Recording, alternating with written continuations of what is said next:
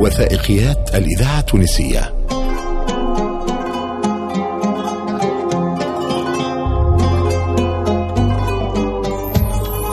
يا مكان. المقام المحرزي تجليات المكان والروح. إعداد وتقديم كريم المرواني. وأنت تعبر الأزقة الضيقة بباب السويقة بالعاصمة لتلج الأسواق المحتشدة بالمنتوجات التقليدية. تخترق أنفك روائح عدة تطغى عليها رائحة البخور والحناء وعواد الند. مؤذنة ببلوغ مقام سيدي محرز سلطان المدينة. فتحملك قدماك رغما عنك لزيارة هذا المقام إما للتبرك براقده أو لسبر أغوار هذا المعلم التاريخي. تعبر بهو المقام تطالعك بئر بالقرب منها. تجلس الخالة مريم تقدم لك قدحا من الماء. الخالة مريم التي تقوم بهذه المهمة منذ سنوات عديدة تقول إن في هذا الماء بركة عظيمة. ومصدر شفاء. تدخل الغرفة المقابلة أين يرقد الولي الصالح سيدي محرز فتجد السيدة عواطف الحمروني المشرفة على الزاوية منذ أكثر من 14 سنة تجلس على أريكة بجانب الضريح. تستقبلك بملامح صارمة سرعان ما تحل محلها ابتسامة عريضة حالما تتحدث إليها. تخبرك بأن هذا المكان يستقبل يوميا زوارا من كل الفئات تبركا بالولي الصالح أو لقضاء حوائجهم. ما كل يوم العباد خاصة اللي يعرفوا الميعاد. تنسيم بيه هذاك ممكن نهار أربعة ديما في الميعاد. ديما. يدخل يقرأ فاتحة يشرب شريبة ماء يدعي لربي باش يصلي. كهو سي بصفة عامة صغار. كبار مستانسين وقت السيزيام والباك. كلهم شباب. واللي باش تعرس تهز من سيدي محرز وتقرأ فاتحة وتشرب شريبة ماء. في نفس المقام تنتصب أيضا أضرحة وليلة خديجة ابنة سيدي محرز وسيدي خلف والده وسيدي الشريف حلاقه وفيه يقيم موردوه طقوسا أسبوعية تسمى بالميعاد. إذ تنتظم مجالس الذكر والإنشاد وتلاوة القرآن وتوزيع الأصمات كل يوم أربعة. نولي الدنيا ميعاده بالأربعة سيدي محرز. يجيو يقراو يعملوا حزب الأول الحزب الثاني آه، زيارته خبز الزيتون. حضرة لا. كان ميعاد قرآنك نبيت يحطوا ياكلوا فيها العباد. السمات يذوقوا شكون يخلط على شوية باش ياخذ يذوقوا شوية سمات؟ ما برشا يقول لك للشفاء. هو السمات من غير حتى العبد القليل وأنت تشاهد حشود المريدين وتلمس مدى تعلقهم الكبير بالمقام تحاول أن ترسم في ذهنك صورة للولي الصالح سيدي محرز وقد تتساءل ما سر هذا التعلق بهذه الشخصية وكيف استطاعت أسر القلوب لعقود وعقود وتخليد اسمها بأحرف من ذهب. هو محرز ابن خلف ويمتد نسبه إلى الصحابي أبي بكر الصديق رضي الله عنه كما ذكره حفيده الهادي المحرزي في كتابه الصادر باللغة الفرنسية سيدي محرز سلطان المدينة ويؤكده حفيده الثاني الشيخ إلياس المحرزي. هو محرز بن خلف ابن أبي رزين ابن يربوع ابن حنظلة ابن إسماعيل ابن عبد الرحمن ابن أبي بكر الصديق رضي الله عنه عبد الرحمن اللي هو أخ أم المؤمنين عائشة رضي الله عنها يعني زوجة النبي صلى الله عليه وسلم. ولد سنة 340 هجري وتوفي سنة 413 هجري. كان مؤدب في أريانا. كان يدرس الأطفال. ومن بعد انتقل إلى الضاحية الشمالية. بها قضى فترة من الزهد. ومن بعد قرر العودة والسكن بباب سويقة. في باب سويقة أسس الكتاب والمسجد. واتخذ دارا في المكان هذاك. هو المصلح الاجتماعي وصاحب الفكر التحرري المعتدل ورجل السياسة المحنك كما كان رمزا ومثالا للتسامح والعيش المشترك وقبول الآخر. كان الكتاب متاعه كما يقبل الذكور كان يقبل الإناث. وفتح داره لإيواء المطلقات كذلك والمظلومات التي يلذن به ويحتمين بجواره. فما مرسوم وقتها استصدره من الأمير أنه حتى النساء تولي تخرج وتمشي للحمام وتدخل الأسواق وغيرها كان تلجأ ليه النساء اللي غلطوا في حياتهم. كان يتكفل بهم وكان يسعى باش يتعلموا صنعة. سيدي محرز في فترة متاعه حمى اليهود وتكفل بهم ودخلهم باش يسكنوا داخل أسوار المدينة. أنشأ لهم الحارة اليوم موجودة قرب منطقة الحفصية. سيدي محرز حتى في تعامله السياسي كان تعامل منهجي متدرج استراتيجي. حتى في المقاومة المد الشيعي اللي جاب القوة كان العمل متاعه على مراحل. يدرس يكون في جيل متشبع بالأفكار السنية المعتدلة كون جيل اللي باش يعاونوا في المواجهة هذه. وهو أيضا رجل الدين المتصوف فصيح اللسان المتضلع في الأدب والشعر كما تحدث عنه الهادي المحرزي في مؤلفه.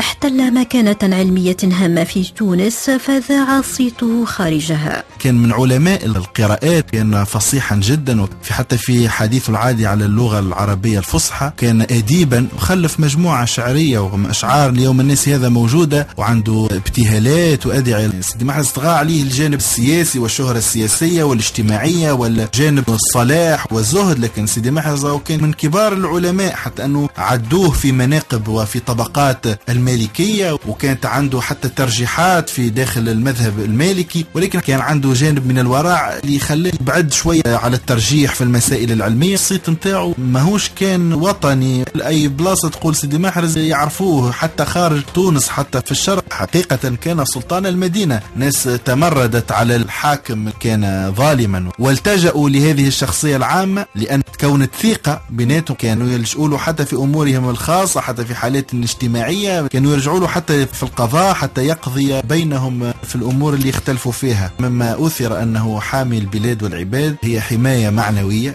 كما كانت في فترة ما حماية حقيقية وبركة معنوية لا يعتقدها إلا من يقدرها قدرها.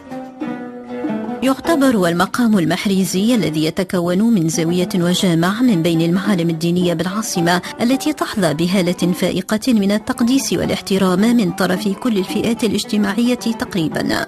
وهو أيضا أحد مفاخر الفن المعماري الإسلامي بالبلاد. وزاوية سيدي محرز هي في الأصل بيت بناه محرز بن خلف في العهد الحفصي. بعد العباد تقرأ فيه طلبة تزور فيه العباد تاخذ في العلم غاديك تصلي أصبح مكان ذا بركة. قعد التعلق الشعبي بالمكان متوارث جيلا بعد جيل حتى أنه ملوك الحفصيين كانوا يدفنوا بعض الملوك في محيط زاوية سيدي محرز. تتميز الزاوية ببساطة معمارها قبل أن تشهد ترميمات وتحسينات حولتها إلى تحفة فنية في فن العمارة الإسلامية. طغى عليها الطابع المعماري العثماني والتأكيد لمدير محافظة مدينة تونس بالمعهد الوطني للتراث منتصر جمور النقائش اللي موجودة على مستوى قباب زاوية في, الكيساء الجدران اللي هو معمول بالمربعات الخزفية نقش موجود في الرخام الأبيض اللي كان يتستعمل بكثرة زاد في المعالم العثمانية في الفترة هذيك. زاوية آه، سيدي محرز من أكثر الزوايا اللي ثرية في المعمار متاعها وفي الزخرف متاعها. الزاوية هذه أخذت شكلها الحالي من فترة الحسينيين. وهما اللي زادنا أدخل عليها العديد من الزخارف اللي نلقاوها توا. مثلا مثلا على مستوى الأبواب والنوافذ نلقاو استعمال الرخام استعمال الجص اللي هو تكنيك نسميه نقش حديدة اللغة العامية نتاعنا يعني هي تتسمى المعمارة نتاعها مقارنة بالزوايا الأخرين ثرية وكبيرة نوعا ما في المساحة. كانت ولا تزال فضاء للعبادة والذكر لكن أيضا حسب حفيده إلياس كانت مسرحا لبعض الأحداث التاريخية التي شهدتها البلاد في تلك الفترة. فما مجموعة من أبناء الحاضرة احتموا بضريح سيدي محرز احتجاجا على قرار مصطفى باشا باي في 1837 ليقضي بإحصاء الشبان القادرين على حمل السلاح في حين أن تونس كان يحميها عساكر الترك وعسكر الزوارة كذلك شهدت الزاوية اجتماعا سريا لأبناء العاصمة في سنة 1884 لإعداد عملية احتجاج على إجراءات اتخذتها السلطات الفرنسية في المجال البلدي اعتبرها الناس اعتداء على عاداتهم وتقاليدهم. قبل يقولوا أنه المراسيم والأوامر لما كانت تصدر كانت تعلق في الزاوية.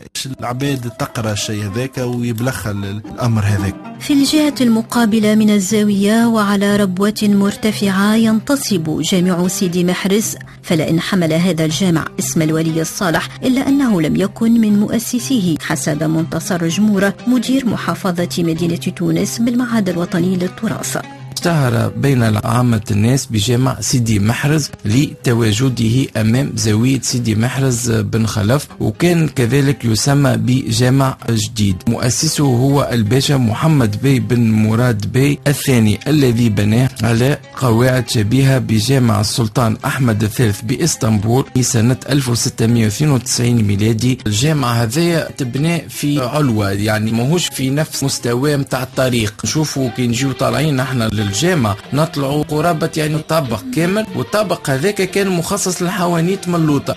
ويلقي الطابع المعماري العثماني بظلاله على هذا الجامع في أدق تفاصيله. تدخل المكان فيخيل لك بأنك في رحاب جامع السلطان أحمد في اسطنبول. نلقاو بيت صلاة كبير الشكل متاعها مربع. تعلوها قبة ضخمة ترتكز على أربع دعائم. تحذوها أنصاف قباب المنبر ملي كان خشبي كما موجود في جامع الزيتونة ولا منبر رخامي. وعندنا كذلك المحفل المحفل اللي ما كناش نلقاوه في الجوامع متاعنا. قبل الفترة العثمانية. كونوا فيه المقرين لتلاوة القرآن. لقاو كذلك المئذنة فيها ثمانية أضلاع القاعدة متاعها ماهيش مربعة الشكل إذا من ثمانية أضلاع الصومعة في الهوية للمعمار اللي مشى به الجامع خاطر الصومعة بنائها أكثر من قرنين. أما الصومعة المربعة الموجودة اليوم فكانت هي في الأصل تابعة للمسجد السفلي الذي يعرف إلى حد الآن بمسجد الفلاري. تمر بخاطرك كل هذه الصور والأحداث وأنت في مكانك في رحاب المقام المحريزي